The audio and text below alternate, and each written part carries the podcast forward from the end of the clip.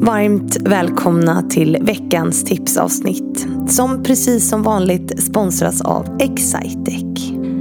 Veckans gäst är Ann-Sofie Forsmark. På söndag släpps ett avsnitt med henne där vi pratar om hur 17 man blir hållbar. Som människa alltså. Och vad innebär det egentligen? För det är ju inte helt lätt när vi lever i ett samhälle med enorma krav på prestation och där det nästan är lite trendigt att vara stressad.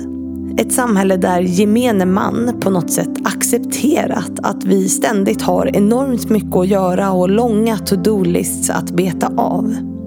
Och där det samtidigt finns ständiga krav på att vi ska driva förändring och jobba med de här frågorna i en verklighet där ledare redan har en fullspäckad agenda och där människor överlag är rädda för att göra andra besvikna och där man faktiskt vill göra bra ifrån sig. Så hur 17 hanterar man det? Ja, det pratar jag och Ann-Sofie om i hennes avsnitt som släpps på söndag alltså. Och det här, ja det är något som Ann-Sofie verkligen fördjupat sig i och brinner för. Alltså hur vi skapar hållbarhet ur ett mänskligt perspektiv. Det är så enormt viktigt och jag tror att ni kan lära er massor av att lyssna på hennes avsnitt som släpps på söndag. Om ni vill vara en del av att skapa en hållbar framtid. Men en viktig del i att bli hållbar som människa Ja, det är att skapa en känsla av sammanhang för sig själv. Och hur man gör det, ja, det ska ni få tips på nu.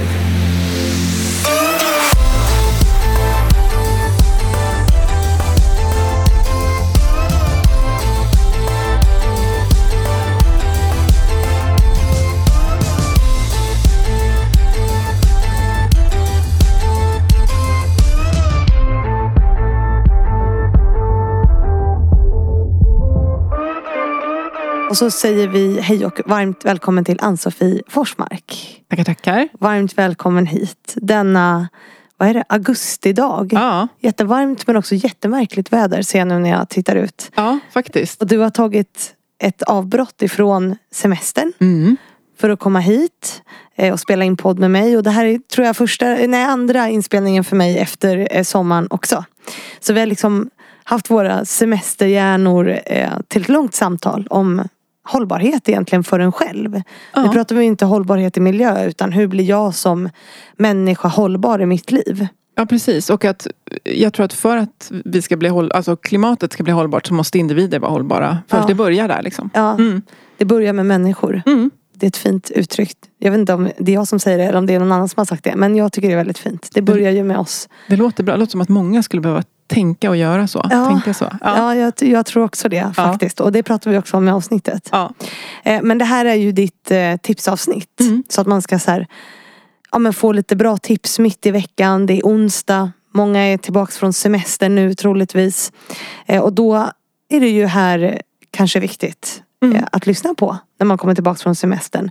För att man ska bli hållbar så måste man också hitta en känsla av sammanhang, eller Mm. hur? Och hur man gör det, det ska du få ge tips på. Mm. Vad snyggt det där blev. Har du Ja, det? härlig övergång. Härlig. Ja. Oh, jäklar. Ja. Eh, I got it. Still, eh, trots semesterhjärna. Eh, Underbart. Ja. Så att, jag lämnar över scenen till dig helt enkelt. Ja, men tack. Och jag tänker prata utifrån modellen KASAM som handlar om att känna meningsfullhet, begriplighet och hanterbarhet. Mm. Och det bästa med den är att den kan vara en jättestor modell som man kan använda för hela livet. Men den kan också handla om att se till att en förändring som man vill göra eller någonting man ska ge sig in i har en känsla av sammanhang. Så att jag tänker att vi tar som ett exempel någonting som jag vill göra under hösten eller som jag ska göra. Det kan ha med jobbet att göra eller fritiden. Så är det viktigt att jag först svarar på frågan varför jag ska göra det här. Mm. Så vad är meningsfullheten? Och här ska man inte stanna liksom med ett svar utan att fylla på. Det här är viktigt därför att. Därför att om jag inte hittar svaren på det då är det mycket möjligt att det här kanske inte är en förändring jag ska ägna tid åt. Nej. Det här är inte något jag ska ägna tid åt. Jag har inget svar på frågan varför. För det kommer också hjälpa mig med motivationen att göra det. Så det är tips nummer ett. Ja, Ställ tips dig frågan Varför ska jag göra det här? Ja. Mm. Och sen så kommer vi till vadet och det är ju vad behöver jag förstå, kunna och veta för att det här ska ske. Mm. Och det kan ju igen vara liksom att vi ska göra någonting på jobbet och då behöver jag veta, men vad, är, vad handlar det här egentligen om? Alltså mm. vem gör vad? Vad ska jag göra? Vad ska jag inte göra?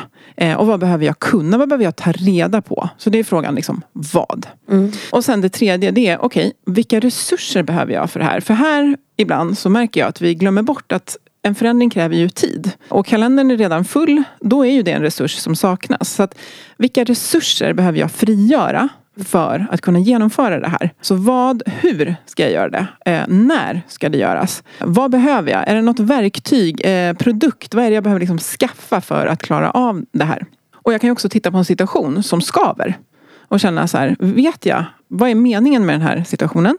Vad handlar den här situationen om? Alltså vad är liksom kunskapen kring den här? Vad behöver jag förstå? Och vad, är det så att jag kanske inte orkar med eller hinner med? Och på så sätt kan jag också kartlägga vad det är som brister och jag behöver stärka upp. Så att frågorna i grunden är liksom varför, mm. vad och hur. Mm. Och ha med sig dem.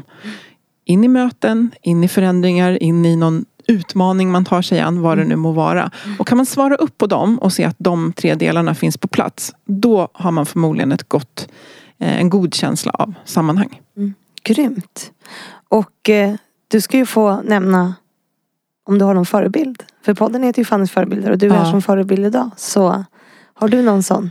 Jag har ju det och jag måste få nämna, alltså jag har många ja. eh, såklart. Och jag tänker alla som har banat väg för alla goda saker som har skett i världen bara får verkligen så här, täcka in alla. Men jag mm. måste ju ta Dr. Dennis Mukwege som grundade Panzisjukhuset mitt under brinnande krig i Kongo och som jag med välgörenhetsorganisationen Tjejmaraton har stöttat i snart 11 år. Mm. Vi har snart samlat ihop en miljon kronor. Han känner väl till vad vi gör. Jag har gett honom en medalj. Han har skickat hälsning till mitt bröllop. Och han kämpar verkligen för kvinnors och barns rättigheter som har det väldigt, väldigt svårt. Men sen tänker jag också på Kathy Switzer som alltså, fysiskt nästan brottade sig in på Boston Marathon 1967. Mm. På den tiden när kvinnor inte fick springa maraton för man trodde att vi inte klarade det. Och lyckades genomföra loppet då under lite falsk namn och sen kom tillbaka gjorde det 50 år senare. Men det tog fem år fortfarande till 1972 innan kvinnor tilläts springa maraton. Och det visar sig att vi är ju mycket mer jämställda med män på längre distanser. Så egentligen så är det helt snett att det skulle vara långa som inte var tillåtna för kvinnor. Mm. Så att hon har verkligen banat väg och jag tycker att hon är ett exempel på en sån här kvinna som har tagit upp en kamp som gjort att vi andra sen kan liksom nästan springa fram på en röd matta, bokstavligt talat. Grymt. Så att i hennes ära bland annat så är vårt tjejmaraton, eh, signaturdistansen är fem mil. För tjejmaraton det måste vara lite längre, eller hur? Ja, helt klart. Tjejer är bäst. Som jag brukar det lär jag min systerdotter som är eh, tre år att sjunga. Tjejer är bäst. Hon tycker det är bra. Ja, I långa loppet så verkar vi faktiskt eh, ha vissa ja, fysiska fördelar. Ja. Men du, då säger vi tusen tack för att du har varit här och så säger vi åt dem som lyssnar nu att de ska lyssna på söndag helt enkelt. Tusen tack. Tack. Och tusen tack till alla er som lyssnat på veckans tipsavsnitt. Jag hoppas ni får en fortsatt bra vecka och sen så hörs vi ju på söndag igen.